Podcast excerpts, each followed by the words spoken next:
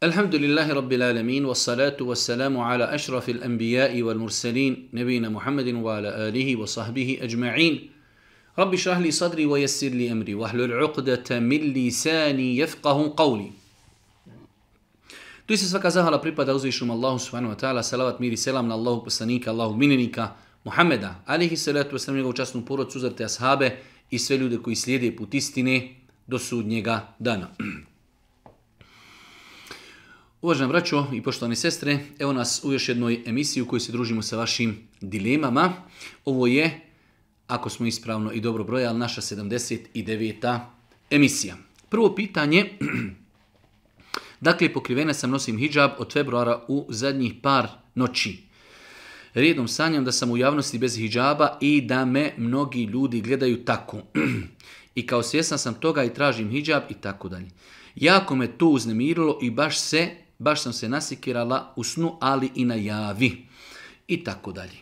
U svakom slučaju, e, mislim da ljudi savremenog doba izuzetno mnogo pažnje posvećuju posvećuju snovima i e, razmišljanju onome što su vidjeli u snu.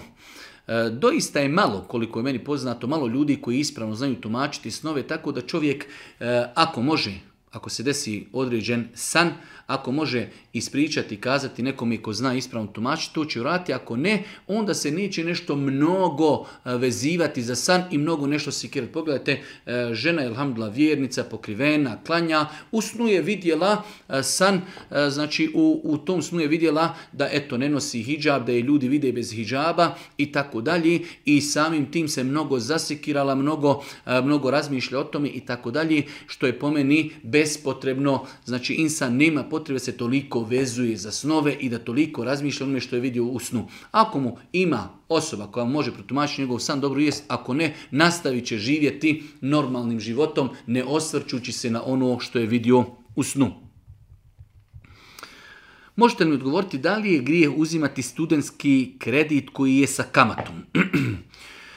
Generalno, bilo kakav kredit koji je sa kamatom nije dozvoljen. To je generalno pravilo, osim kada bi čovjek bio u situaciji da jednostavno njegov život je ugrožen, a ne može naći novac da spasi svoj život osim kamatni kredit, ali ne mislim da je takva situacija, e, znači veoma je malo takvih ljudi na planeti da jednostavno njegov život je u pitanju, ugrožen njegov život, ne može naći pare da pozajmi osim kamatni kredit, a može se i to možda desiti, ali veoma rijetko.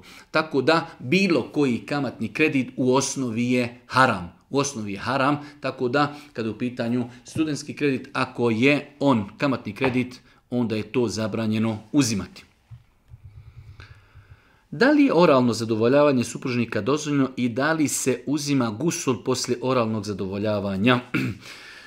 Allah najbolje zna e, kada je u pitanju intimni kontakt između supružnika, ono što je zabranjeno, zabranjeno su dvije stvari. Zabranjeno je da čovjek intimno e, opći sa suprugom u periodu mjesečnici ili u periodu eh, posporodnog ciklusa, takozvanog nifasa. U tom periodu je zabranjeno imati intimni kontakt sa suprugom i zabranjeno je imati eh, intimni kontakt u analni otvor.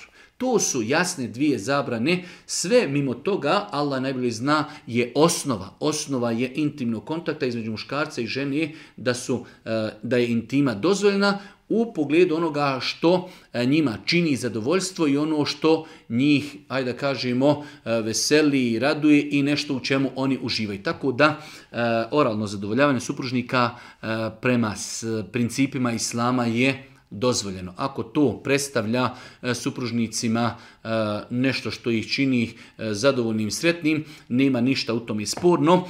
Da li se nakon toga, da li je obaveza da se uzme gusul? Gusul je obavezan s druge strane ako čovjek ili žena dožive znači ejakuliranje, izbacivanje sjemena. Tako da ako se desio takav čin, u tom oralnom e, znači zadovoljavanju, onda se i trebaju kupati. Ako nije došlo do ejakuliranja sjemena, e, znači oralno naslađivanje supružnika e, samo po sebi ne obavezuje supružnike na kupanje. Ovako da odgovorimo, znači oralno naslađivanje supružnika samo po sebi ne obavezuje supružnike na gusul, ali ako su u tom e, naslađivanju doživjeli izbacivanje sjemena, onda znači gusu postaje obaveza. Moj prijatelj po imenu taj i taj obavlja sve islamske dužnosti, samo ima problem što kocka. Da li ima neki savjet kako i to da batali? Mi smo više puta kroz ova naša pitanja odgovori savjetovali ljudima kako i na koji način da se ostavi kocki. U svakom slučaju veoma je bitna čvrsta volja da insan to želi.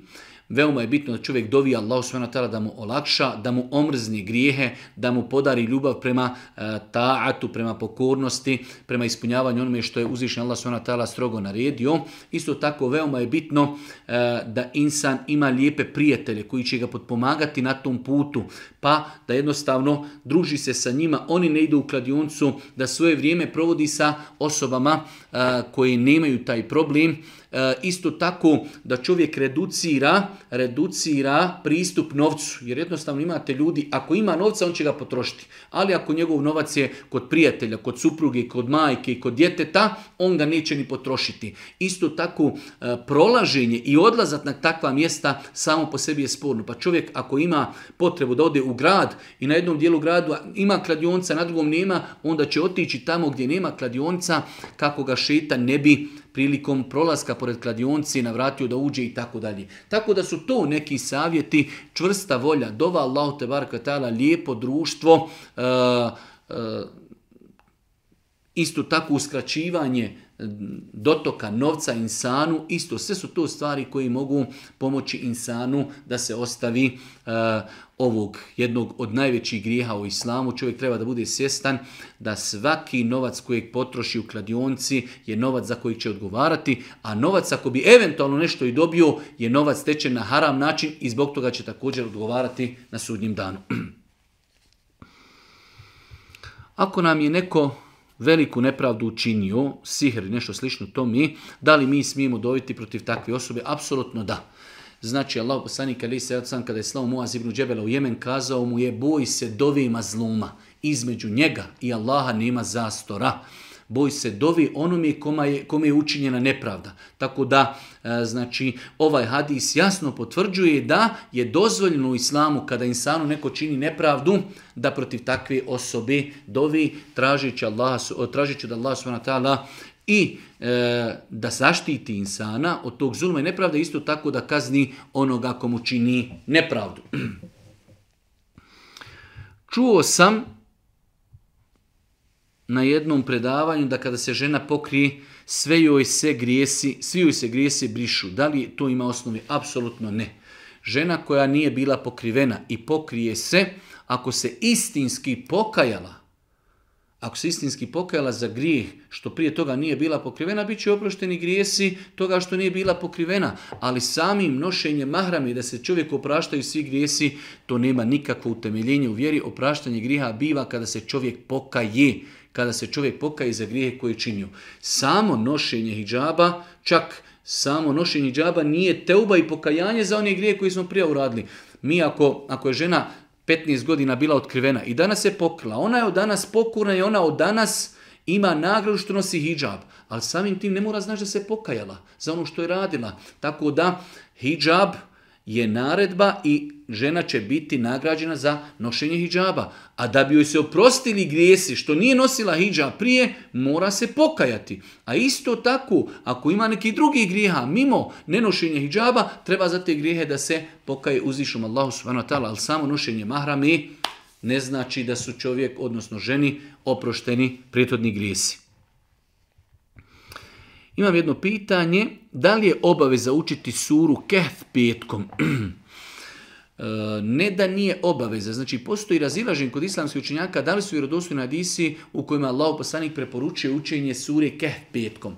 E, pa maksimalno što se može kazati jeste da, da je dio učenjaka smatrao da je lijepo i pohvalno u toku dana petka da se prouči sura kef, e, smatrajući da su hadisi o tome hase dobri ili vjerodostojni. Znači imamo e, dio učenjaka, veliki hadijski eksperata od kojih je Albani, koji su smatrali da hadisi koji govori o vrijednosti učenja sure kef petkom su vjerodostojni. Samim tim, znači lijepo i pohvalno je proučiti suru kef petkom, dok je dio učenjaka znači, e, ummeta smatrao da hadisi koji govori o vrijednosti učenja sure kef petkom nisu, nisu vjerodostojni samim tim i ne smatraju da je pohvalno i lijepo suru petkom učiti, ali ne znam da je ikada i kod učenjaka kazao da je učenje sure kef obaveza petkom. Pitanje ovdje da li je obaveza učiti suru kef, Nije obaveza učiti suru kef petkom, već maksimalno što su učenjaci kazali jeste da je to pohvalno i lijepo, a dio učenjaka je kazao da hadisi o tome nisu vjerodostojni.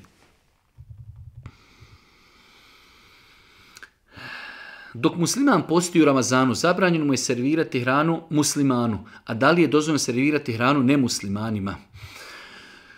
Znači čovjek kada posti u toku Ramazana, njemu je zabranjeno da e, servira i nudi hranu muslimanima kojima je obaveza da posti. Tako je ispravno e, dati odgovor. E, kada bi u našoj kući bila žena koja je u mjesečnici. Nama je dozvoljeno da joj iznesemo hranu zato što ona u osnovu ne može postiti. Ili ako bi u našoj kući došao musafir, musafiru nije obavez da posti, mi može njemu iznijeti hranu i tako dalje. Pa je u Ramazanu zabranjeno e, davati hranu ili piće ili vodu onome kom je obaveza da posti. E, isto pitanje je e, da li se obaveza posta odnosi na nemuslimane? Odgovor je da. Znači, oni nemuslimani E, na koji se odnosi, a odnosi se znači generalno na sve njih, e, naredba da posti, i njima je u osnovi obaveza da posti, ali oni se nisu pokorili toj naredbi, samim tim nama nije dozvoljeno u Ramazanu da dajemo i nudimo hranu, nemuslimanima hranu ili piće.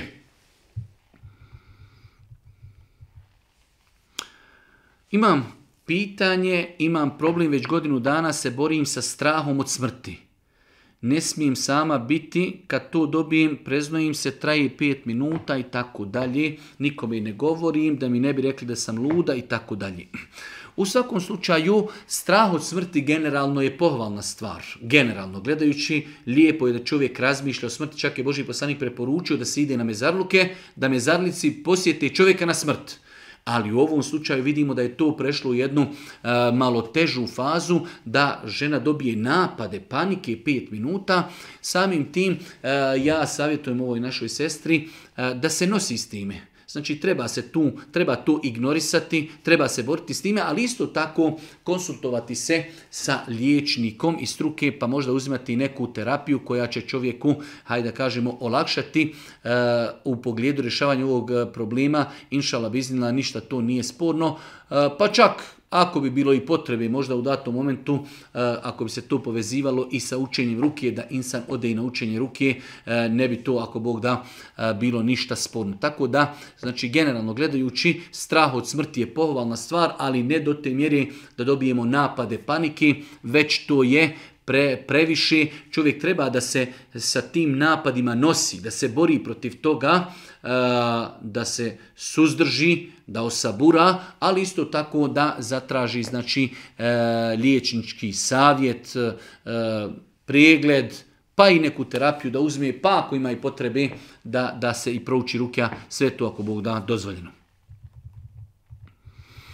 Trudna sam 21 nedjelju. E, beba nešto nije u redu, ima vodu na mozgu i tako dalje. U svakom slučaju, da li je dozvoljeno u takvoj situaciji e, učiniti abortus. Mi smo kazali više puta da beba kada napuni 120 dana, kada napuni 120 dana, e, prema vjerodostojnim hadisma, uzvišnji Allah s.w.t. šalje meleka i udahne dušu u dijete.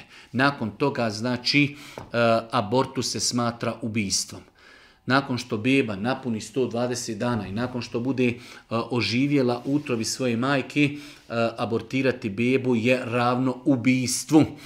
Eh, čak učenjaci se razilaže kada bi došla žena u situaciju eh, da znači njen život je u pitanju ako bi nastavila trudnoću, a dijete je već oživjelo. Znači čak i tada je dio učenjaka kazao ne smije se prekinuti trudnoća. Iako Allah najbolje zna ako bi život majke bio u pitanju, da tada bi abortus možda bio i dozvoljen i nakon 120 dana, ali pogledajte E, do koje su mjere učenjaci išli da znači nakon 120 dana neki su učenjaci kazali iako bi život majke bio u pitanju ne smije prekinuti trudnoću. Tako da e, u ovom slučaju 21 nedjelja znači to je već apsolutno mnogo više od 120 dana gdje abortus ni u kom slučaju nije dozvoljen. Dobro je, imam jedno pitanje, već duže vremena vas pratim. Da li je u redu imati Kur'an u hrišćanskoj kući? Pošto želim promijeniti vjeru. Eh, nema smetnje da čovjek nemusliman sebi nabavi prijevod Kur'ana, pošto neće ništa imati koristi od Kur'ana na arapskom jeziku, a samim tim i, pitanje je da li je i dozvoljeno da ima arapsku verziju Kur'ana i da ga dodiruje, pošto niti može abdestiti i tako dalje, ali da nemusliman koji želi da istražuje islam i da uči i razmišlja o prihvatanju vjeri, da ima prijevod Kur'ana kod sebe, ako Bog da to nije sporno. Tako da odgovor je, može li imati Kur'an, može imati prijevod Kur'ana, što je nešto što njemu i koristi e, kakve koristi će imati nemusliman od arapske verzije Kur'ana koju mi muslimani imamo kako bi čitali Kur'an i kako bi imali sevap zbog toga, tako da u ovom slučaju nema potrebe za time, već je dovoljno da čovjek ima prijevod Kur'ana.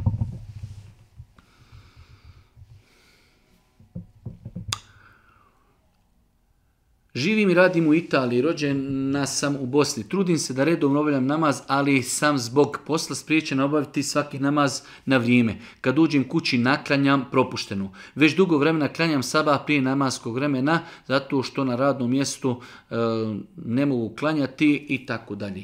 Dvije greške u jednom pitanju. Znači, jedna sestra naša živi i radi u Italiji, ne može na radnom mjestu klanjati namaze, pa ih naklanja kada dođe kući, a sabah namaz ne može klanjati klanjati, e, znači zato što to vrijeme provodi na putu za posao, pa ga klanja prije vremena.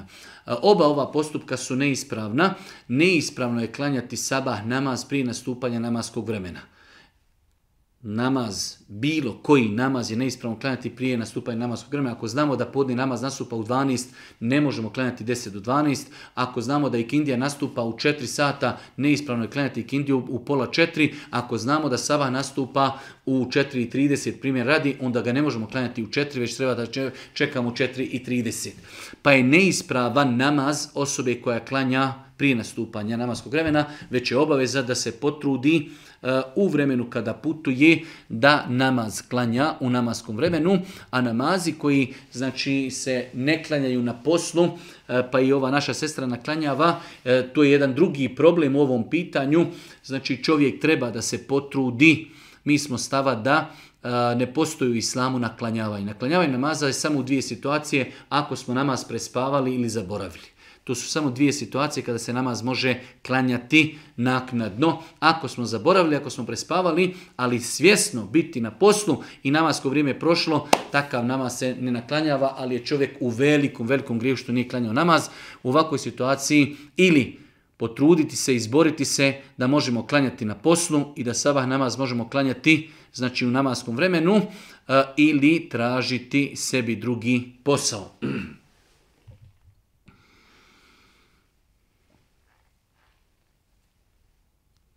Da li se kroz dove može vratiti ljubav djevojke prema momku koji su još maloljetni 16 godina? Da li se kroz dove može? Kroz dove se sve može. Kroz dove se sve može. Ne postoji ništa što gospodar uzvišeni Allah ne može kada nešto želi samo kaže budi i ono bude.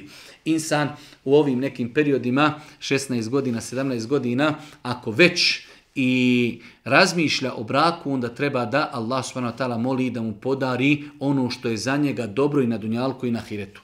Jer sama ljubav nije dovoljna da čovjek bude sretan i zadovoljan, da bude sretan i zadovoljan na dunjalku sa svojom suprugom, zato je najbolje rješenje da čovjek kada dovi Allah SWT da mu podari, znači da traži od gospodara da mu podari hairli, čestitu vjernicu koju će voljeti, koja će njega voljeti i da mu podari ženu koja će ga potpomagati na putu postizanja Allahovog zadovoljstva i dunjalučkog i ahiretskog uspjeha.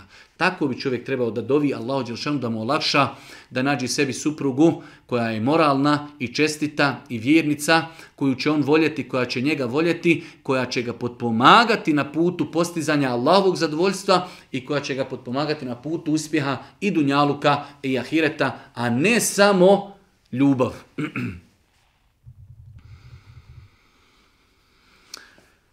Da li se može klanjati namaz i kindija koliko vremena treba blizu Akšama, pošto je ovo neko pisao, vjerovatno je iz Makedonije ili iz Kosova, tako da je, znači ima mnogo grešaka, ali u svakom slučaju pitanje je da li se može 30 minuta prije Akšama klanjati i Kindija. Može, Osoba koja znači ima validan razlog da odgodi ikindiju pola sata prije zalaska sunca i tada klanja, njen namaz je validan ispravan. Allah poslanik je kazao u vjerodostojnom hadisu, ko stigne klanjati jedan i ikindije, baš konkretno, ikindije namaza prije zalaska sunca, Stigao je klenti Kindju, znači on je stigao jedan rekiat prije zalaska, sunce je zašlo. On će nastaviti klentiju na ostala tri rekiata. A jedan rekiat je 3-4 minute prije zalaska sunca. Tako da pola sata prije zalaska sunca, ako insan ima validan razlog što je odgodio i Kindju, njegov namaz je ako Bog da svakako ispravan.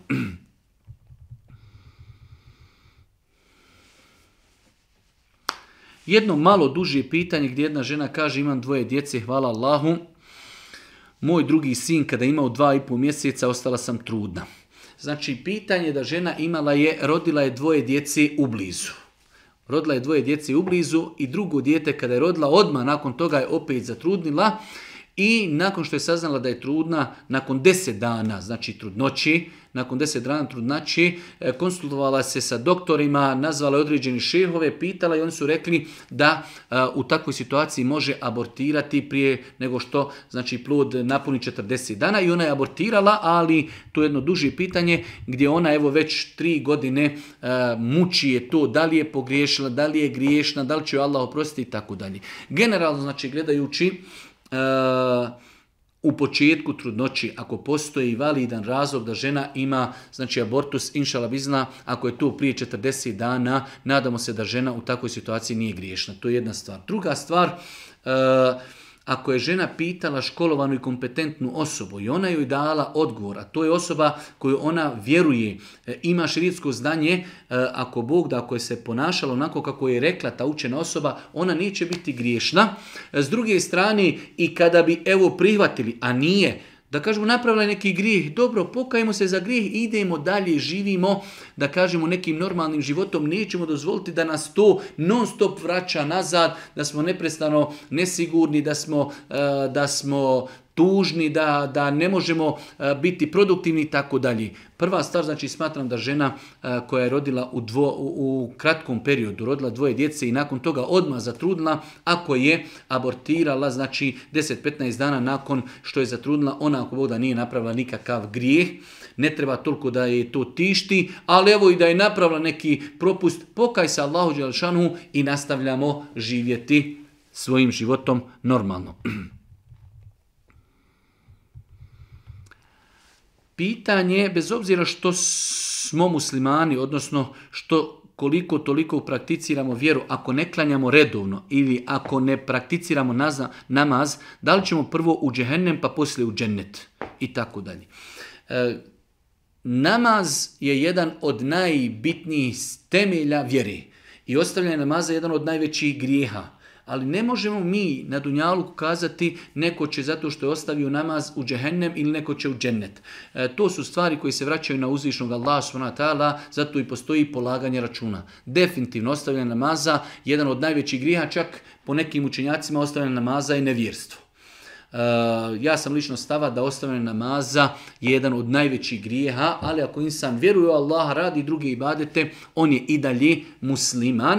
E, Čovjek će biti pitan na sudnjem danu, znači e, za svoj nama zašto ga je ostavljao, ali će biti obračunata mu i ostala dobra djela koje je radio, pa ako dobra djela prevagnu loša, čovjek će ići u džennet, ako loša djela prevagnu dobra, čovjek će ići jedan period u džehennem da bude kažnjen zbog grijeha koje je činio, nakon toga će ući u džennet gdje će ostati vječno u džennetu. Znači ako njegovi grijesi budu teži, on će otići u džehennem, bit će kažnjen shodno grijesima, nakon toga će se vratiti u džennet i on će vječno ostati. Ali mi da na ko tvrdimo e, ko će u džennet prvo pa u džehennem, to znači mi ne možemo osim da postavimo pravila, a Allah je taj koji će obračunavati ljude na sudnjim danu.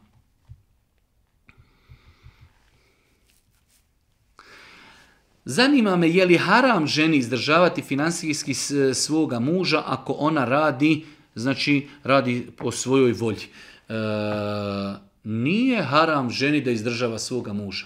Može se veoma lahko desiti da žena radi, muž se razboli ili iz određenih nekih drugih razloga muž ne može da radi, da privređuje, a žena radi, nije haram ženi, već obrnuto, znači generalno pravilo u islamu da je mužu obaveza da financijski izdržava svoju suprugu. Onog momenta kada se čovjek oženi, samim stupanjem u brak njemu je obaveza da obezbijedi svojoj supruzi hranu, odjeću, piće, stanovanje. To su stvari koje je mužu obaveza da obezbijedi uz sve to i da ispuni žene intimne potrebe, ali znači to ne isključuje da žena može da radi pa da i ona pripomogne čovjeku u određenim financijskim e, stvarima, Pogotovo u situaciji ako bi se desilo iz određenih ispravnih, validnih šerijatskih razloga da čovjek ne može više privređivati, tada je sigurno veliko dobro djelo da žena pomogne svojem mužu u e, rješavanju pitanja egzistencije njihove poroci. Ovdje pitanje, kaže, da li je ženi haram da izdržava? Apsolutno nije haram. Ona ako bude pomagala svome mužu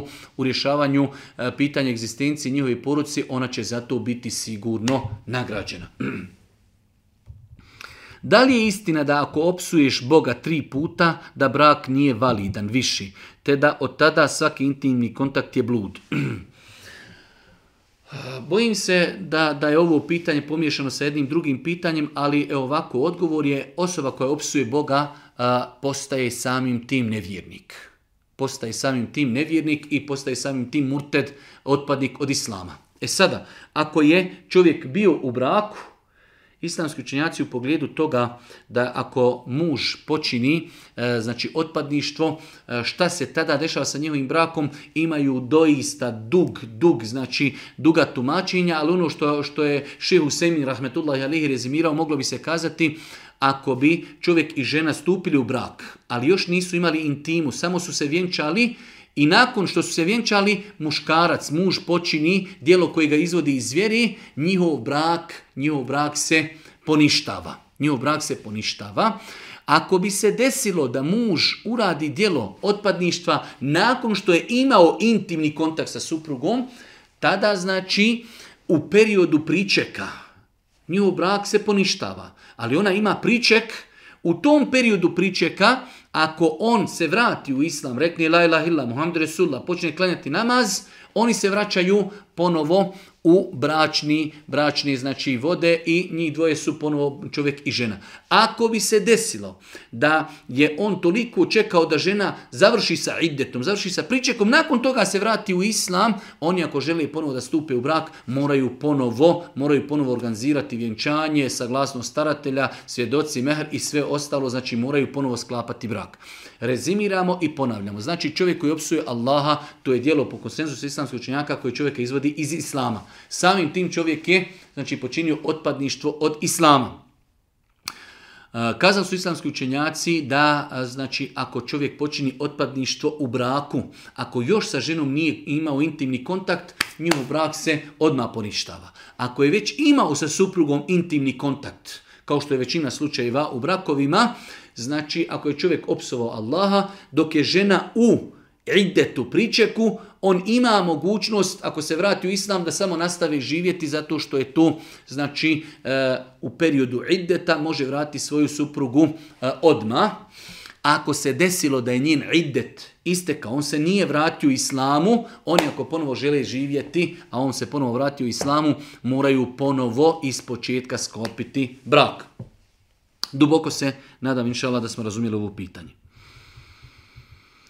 Sve krva koja živi isprati ispod mene ima hamajliju okačenu u sobi na zidu i tako dalje. Pitanje je, ja sam je upozorila, ali da li to može utjecati na mene i na moju kuću, na moj sprat?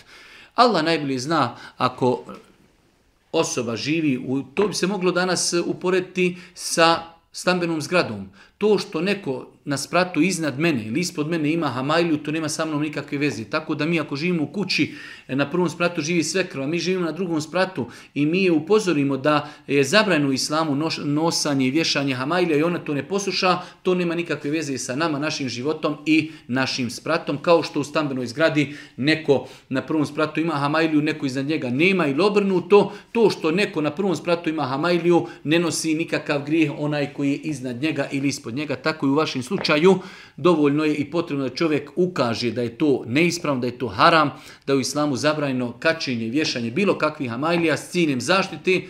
ako nas osoba i posluša dobro isto, ako nas ne posluša, mi smo onu svoju obavezu skinuli, mi smo upozorili, a to nije nikakve veze s nama i našim spratom.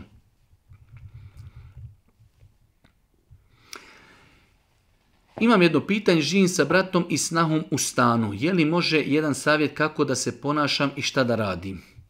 Veoma teško pitanje, čovjek živi sa svojim bratom i njegovom suprugom u istom stanu. Allaho poslanik Ali se i rodostojnim hadisima zabranjuju muškarcima da ulazi kod žena eh, kojima oni nisu mahremi. Pa je kazao i jakum čuvajte se, obavezno, pazite, ne ulazite kod žena kojima vi niste mahremi. Pa su onda asabi rekli, Allahu poslaniće, a šta ako se radi o nekom bližnjem rođaku muža od te ženi? Pa je Allah poslanik kazao, el hamu el meut, taj bližnji rođak, a najbliži rođak je čovjekov brat, kaže, on je smrt. Pogledajte, hadis je rodostojan, ga je zabilježio i Buharija i Muslim, da je Allah poslani kazao da bližnji rođak, kada ulazi u kuću svoga muža, e, svo, kada ulazi u kuću svoga brata, a nije taj njegov brat u kući, kaže on je smrt. To su riječi Božih poslanika, ali se ratu selam. Pa su islamski učenjaci kazali e, šta znači riječ smrt. Kaže ako bi u kuću određene osobe ušao stranac, svima bi to bilo čudno i svi bi reagirali za razliku kada u jednu kuću ulazi neko ko je blizak, neko ko je e, znači, rođak osobi koji nema u kući. Tako da e, živjeti sa bratom u kući znači je nešto što samo ako ima ogromna potreba, ako nema nikako drugo rješenje, gdje treba paziti da ne dolazi do osamljivanja sa ženom i ta žena e, znači od brata pošto joj e, njen djevir nije znači mahrem, mora biti pred njim neprestano pokrivena. Znači, veoma je to teško, tako da je to najbolje izbjegavati ili svoditi na neki minimum. Znači, ako imamo čovjeka koji je oženjen, njegov brat nije mahrem njegovoj supruzi. Tako da ta njegova supruga mora pred njim biti pokrivena, s druge strane ne može se sa njim osamljivati. Znači, ako je čovjek otišao e, negdje iz kuće muž, on ne može sa tom ženom se osamljivati u toj kući, tako da je to jedan veliki problem, tako da moj savjet je znači da se pokuša maksimalno iznaći neko rješenje za takvu situaciju. E, znači, pošto je veoma teško e, pridržavati se šerijatskih pravila u tom pogledu da znači se djevjer ne osamljuje sa svojom znači snahom ili da ona neprestano pred njim nosi hijab. Nervira me to što u mom društvu jedan moj školski drug konstantno psuje Boga. Da bi ispao smiješan pred drugima. Ma koliko god mu govorio da je to ogroman grijeh, on i e, u inat opet psuje. Šta da radim, je li treba da se klonim njega i da se ne družim sa njim? Apsolutno da. Apsolutno da. Jedno lijepo, zdravo razmišljanje. E, znači danas djeca psuju Boga i ne razmišljaju o posljedicama. Psovanje Allah je dijelo koje izvodi čovjeka iz vjeri djelo koje izvodi insana iz i lijepo je, treba takve ljude upozoriti, kazati, boj se Allaha, to što radiš, radiš da bi nasmijao druge ljude, to je e, grije, to je haram, to čovjeka izvodi iz vjeri. Ako vidimo da takva osoba e, ne prima savjet, onda najbolje je ne družiti se s takvom osobom i ignorisati je totalno. Zanima me pitanje u vezi dojenja. Naime, naišla sam na predavanje tog i tog hafiza gdje kaže da će žena biti kažnjena ako uskrati svome dijetu hak, odnosno dojenje. Moja beba ne želi da doji, odbija, pa sam pokušavala i izdajati mlijeko i davati, ali ona i dalje to odbija. Kakav je stav prema tom pitanju? E, generalno, znači, e, treba uvijek propise shvatati onako kako, kako je onaj koji govori i kazao. Znači, ovaj naš uvaženi Hafiz je kazao da je generalno ženi zabranjeno u normalnim uvjetima da uskrati dijetu hak. Ali žena daje sve od sebe. Ona nije uskratila dijete, dijete ne želi taj hak. E, žena se trudi, e, pokušava, e, znači, uzima mlijeko koje mu daje nakon toga onaj na, na različite i dijete ne želi u tom slučaju šta možemo kazati toj ženi osim da je poduzela sve što je mogla i da neće ako Bog da biti griješna jer se star vraća na dijete a ne na nju. Nije ona dijete uskratila hak već dijete ne želi hak.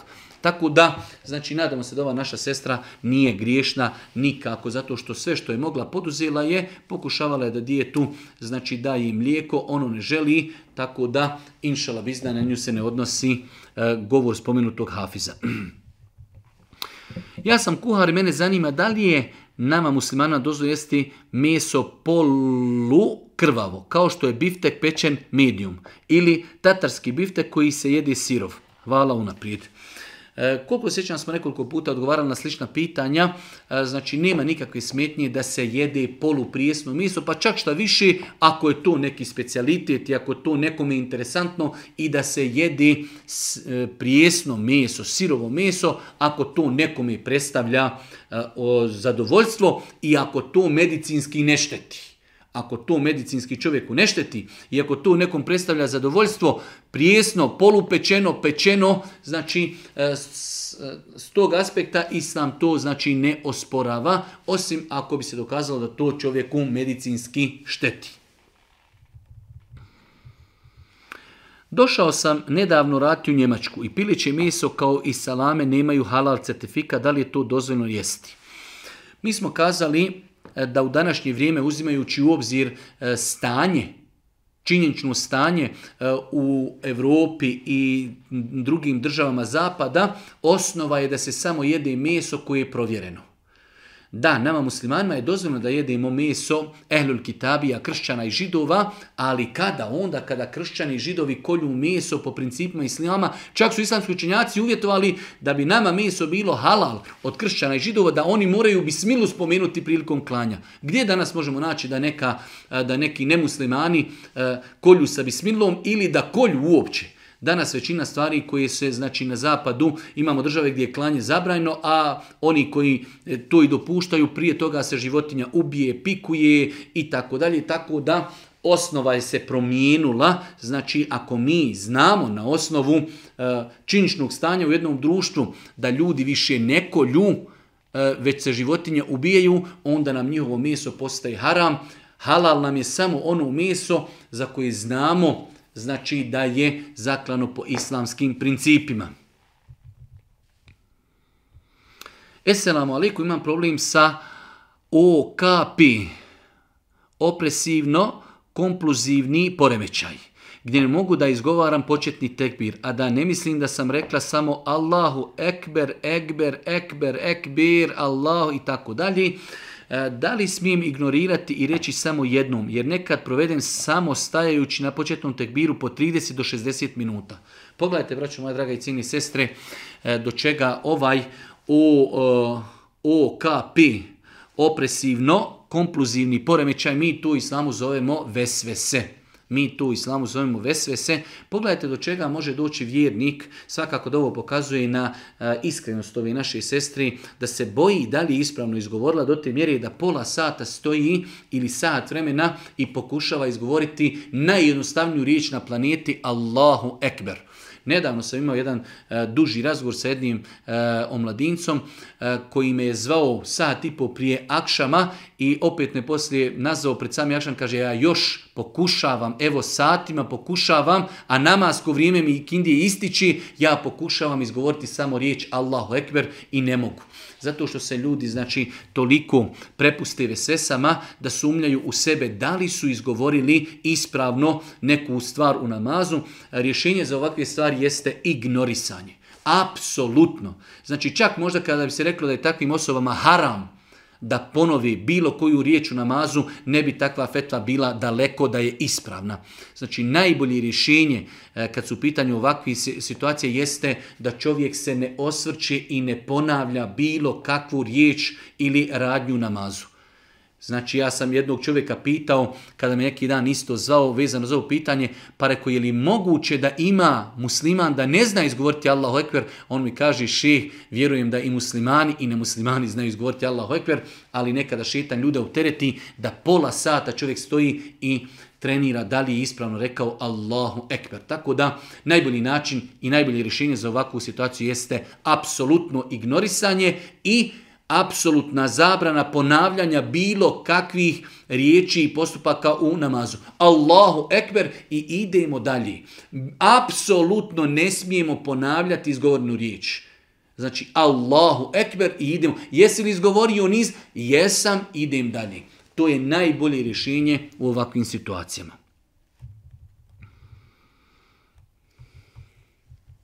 Ja sa svojom porucom kad krenim iz Njemačke za Bosnu imam 19 sati vožnji.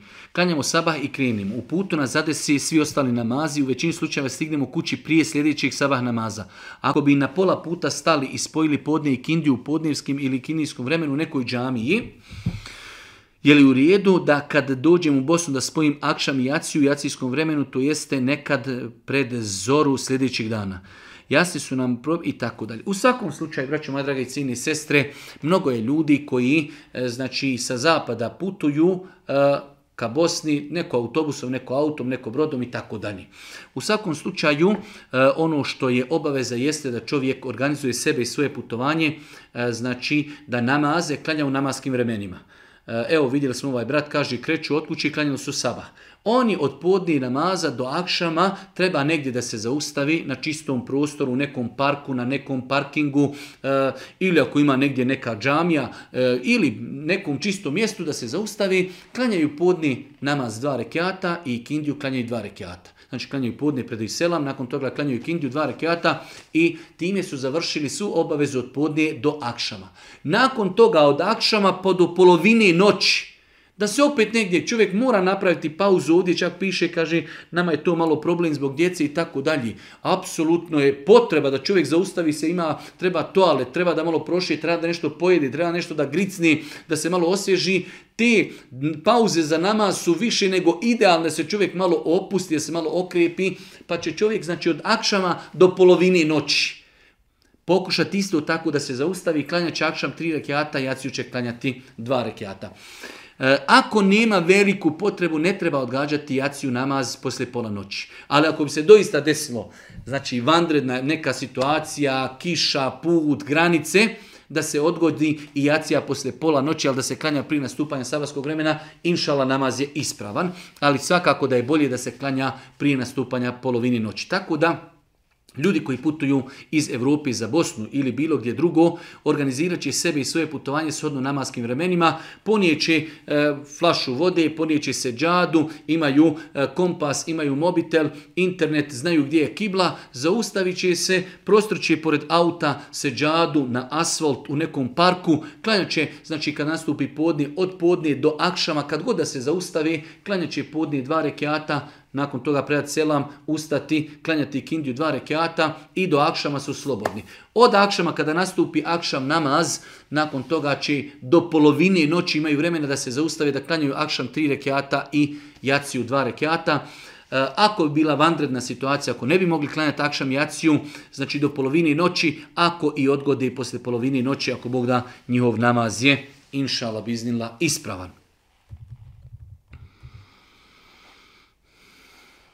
Ja sam pokrivena, na istom spratu živi i moj djevir i tako sam izašla iz sobe da nisam imala mahramu. Djevir me je vidio da li sam ja griješna zbog toga. Osoba koja uradi nešto e, nenamjerno nije griješna. Mnogo puta nam se dešava da ljudi šalju e, pitanja gdje su određenu stvar uradili iz neznanja, greškom, pa se ljudi onda pitaju, ne znam, čovjek je slučajno udario autom psa ili mačku, pa ga to godinama muči, a uradio je to nesvjesno, greškom. Ne treba čovjek znači da, e, da, da, da se opterećava onim što je uradio u neznanju i greškom. Tako da se može desiti e, u mjestima, e, primjer radi u stambenoj zgradi, u kući ili šta ja znam da žena jednostavno nekada se pojavi pred muškarcem, E, i da je on vidi nepokrivenu, a ona ne smije biti pred njim nepokrivena, e, ne smije pred njim biti otkrivena, ali šta u takvom slučaju da čovjek radi osim da jednostavno nastavi normalno živjeti, uradila je to greškom, uradila je nesvjesno, znači e, potrudit se da se to više ne ponavlja i to je to. Zanima me da li je pokuđeno stavljati veliko ogledalo u nekoj prostoriji u kući, na primjer u hodniku, gdje se često prolazi. Poznato mi je da može doći do problema vezano za zaljubljenog džina i tako dalje. Ako bi se to ogledalo koristilo za uljepšavanje i tako dalje. E, zabrana gledanju ogledala i povezivanje tu sa nekim zaljubljenim džinima e, je jedan vid sujevjerja, a i druge strane e, prekomjerno forsiranje džina i džinskog djelovanja i, i ti neki zaljubljeni džina nema nikakvih smetnji da čovjek u kući ima na 5, 6, 7, 10 mjesta da ima ogledalo, kada krene posao da može da se počešlja, da pogleda, da vidi je li uređen, da pazi na svoju higijenu, nema nikakvih smetni čak šta više.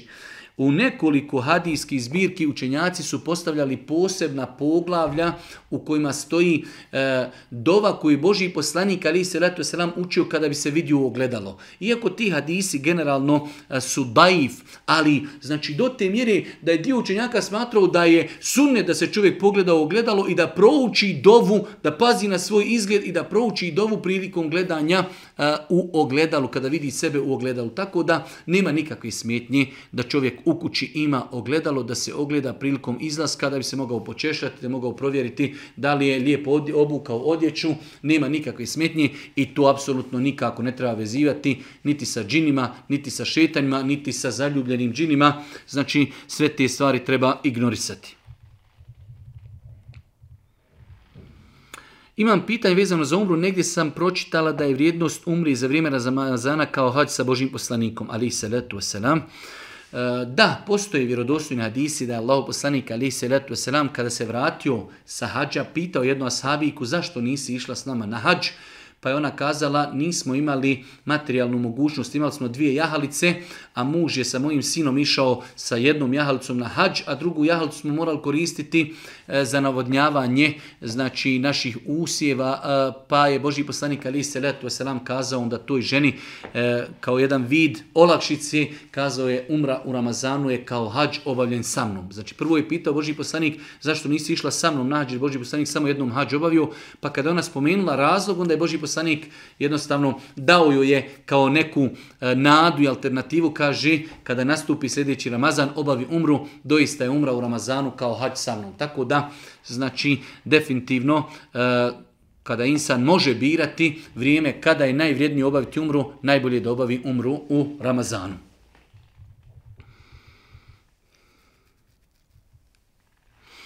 Jedan malo duži email kaže, naime, bio sam pod lošeg društva, kocka, alkohol, klubovi i tako dalje. Sve sam to ostavio, ali mi ostaje još e, stvar da e, uvežem u svome životu e, da počnem redovno klanjati, pa kakav je savjet. Generalno, kada je u pitanju osoba koja želi da počne redovno klanjati, treba da shvati da je namaz jedno od najdražih dijela našim gospodaru, ostavljanje namaza je jedan od najvećih grijeha u islamu. Ako to znamo, to će biti e, motor to će biti dinama koja će nas pokretati da budemo kontinuirano ustrajni u obavljanju namaza. Znači namaz, obavljanje namaza je jedan od najvećih ibadeta u islamu, a ostavljanje namaza je jedan od najvećih grijeha. Svakako na tom putu čovjek treba da nabavi sebi lijepu e, vjerodostojnu literaturu iz koje će naučiti namaz, da čita o vrijednosti namaza, da se druži sa osobama koji redovno klanjaju namaz pa će sa njima u džamiju, sa njima iz džamije, sa njima na namaz, oni njega zovu, oni njih zovu, idu zajedno sa autom, pješači i tako dalje. Veoma je bitno da dovi Allah Allahu te da ga učvrsti, da mu podari e, ljubavi i želji za ibadetom, za namazom, da mu omrazi grijehe i uz Allahu pomoć insan, znači svakako kao i svaka druga stvar, treba truda, treba, treba samo odgoja, truda i uz Allahu pomoć svakako za početak, ja uvijek za početnike kažem, najbitnije da čovjek učvrsti da redovno klanja farze. Klanjamo sabahske farze, podnevne farze, kindijske farze, akšamske farze, jacijske farze. Kada to učestimo ako Bog da onda dodajemo i dodatni na file, klanjamo vitr, klanjamo potvrđene sunnete, klanjamo duha namaz i tako dalje, ali za početak najbitnije je da čovjek izađe iz okvira harama. Izići iz okvira harama jeste da čovjek uspostavi klanjanje farza, nakon toga idemo na veći i bolji level, a to je uvođenje dodatni na fila namaza uz farze. Da li osoba može ići na učenje ruke bez obzira ako nema nikakvih simptoma?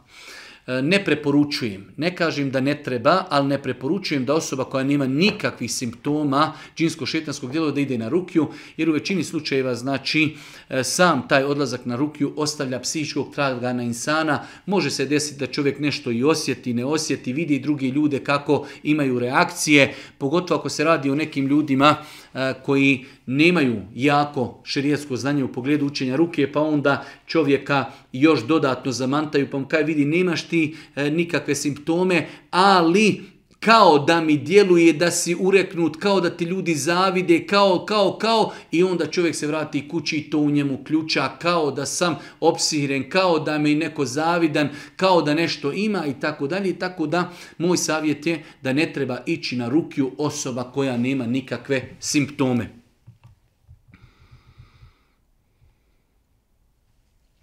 Da li je dozvoljeno da se pozajmi pare od nekog brata da idem na umru, a da mu to vratim naredni godini? E, odlazak na umru je ibadet osoba koje su imućne.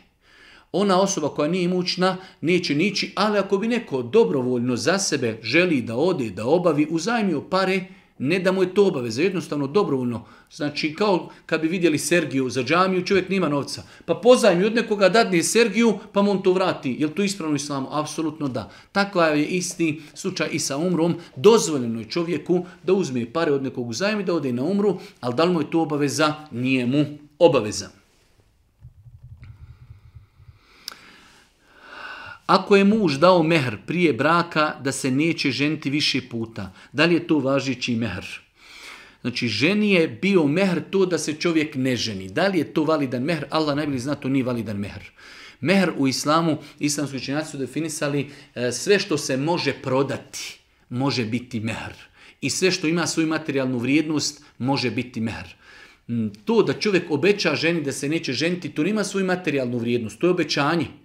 On to obećanje može prekršiti, može ispuniti, ali znači to nema svoju materijalnu vrijednost. E, mehr treba da bude nešto što ima svoju materijalnu vrijednost, da li će to biti zlato, srebro, novac, auto, ovo ono, ali nešto što ima svoju materijalnu vrijednost. Tako da u ovom slučaju najbolje da se ponovo definiše meher ženi ili da ju se odredi meher, E, sličan mehru žena iz njenog podneblja, njene ljepote, njenog porijekla, njene starosti i tako dalje. Znači prosječni mehr žena koje su poput nje da se takav mehr njoj dodijeli. Da li kada se predaje selam, da li se smije riječi Esselamu alaikum wa rahmetullahi ve Znači, da li se može prilikom predavanja selama u namazu dodati eselamu alaikum wa rahmetullah wa e, postoji jako razilažen kod islamskog učenjaka da li se treba dodati ova riječ ve E, ako bi neko dodavao, inšala nije pogriješio, znači e, svo ovo pitanje se vraća na vjerodostojnost hadisa, pošto imamo u jednom hadisu je spomenuto da Boži poslanik kada bi samo na desnu stranu predavao selam, rekao bi selamu alaikum wa rahmetullahi i a na drugu bi stranu rekao selamu alaikum wa rahmetullah e, znači ovaj dodatak Veberekijatu spomenuti u jednom hadisu u pogledu kojeg postoji razilažen kod učenjaka da li je taj hadis vjerodostojan da ili ne. Tako da, e, ako bi to insan prakticirao, nadamo se da nije griješan, ali samo prilikom predavanja se vama na desnu stranu.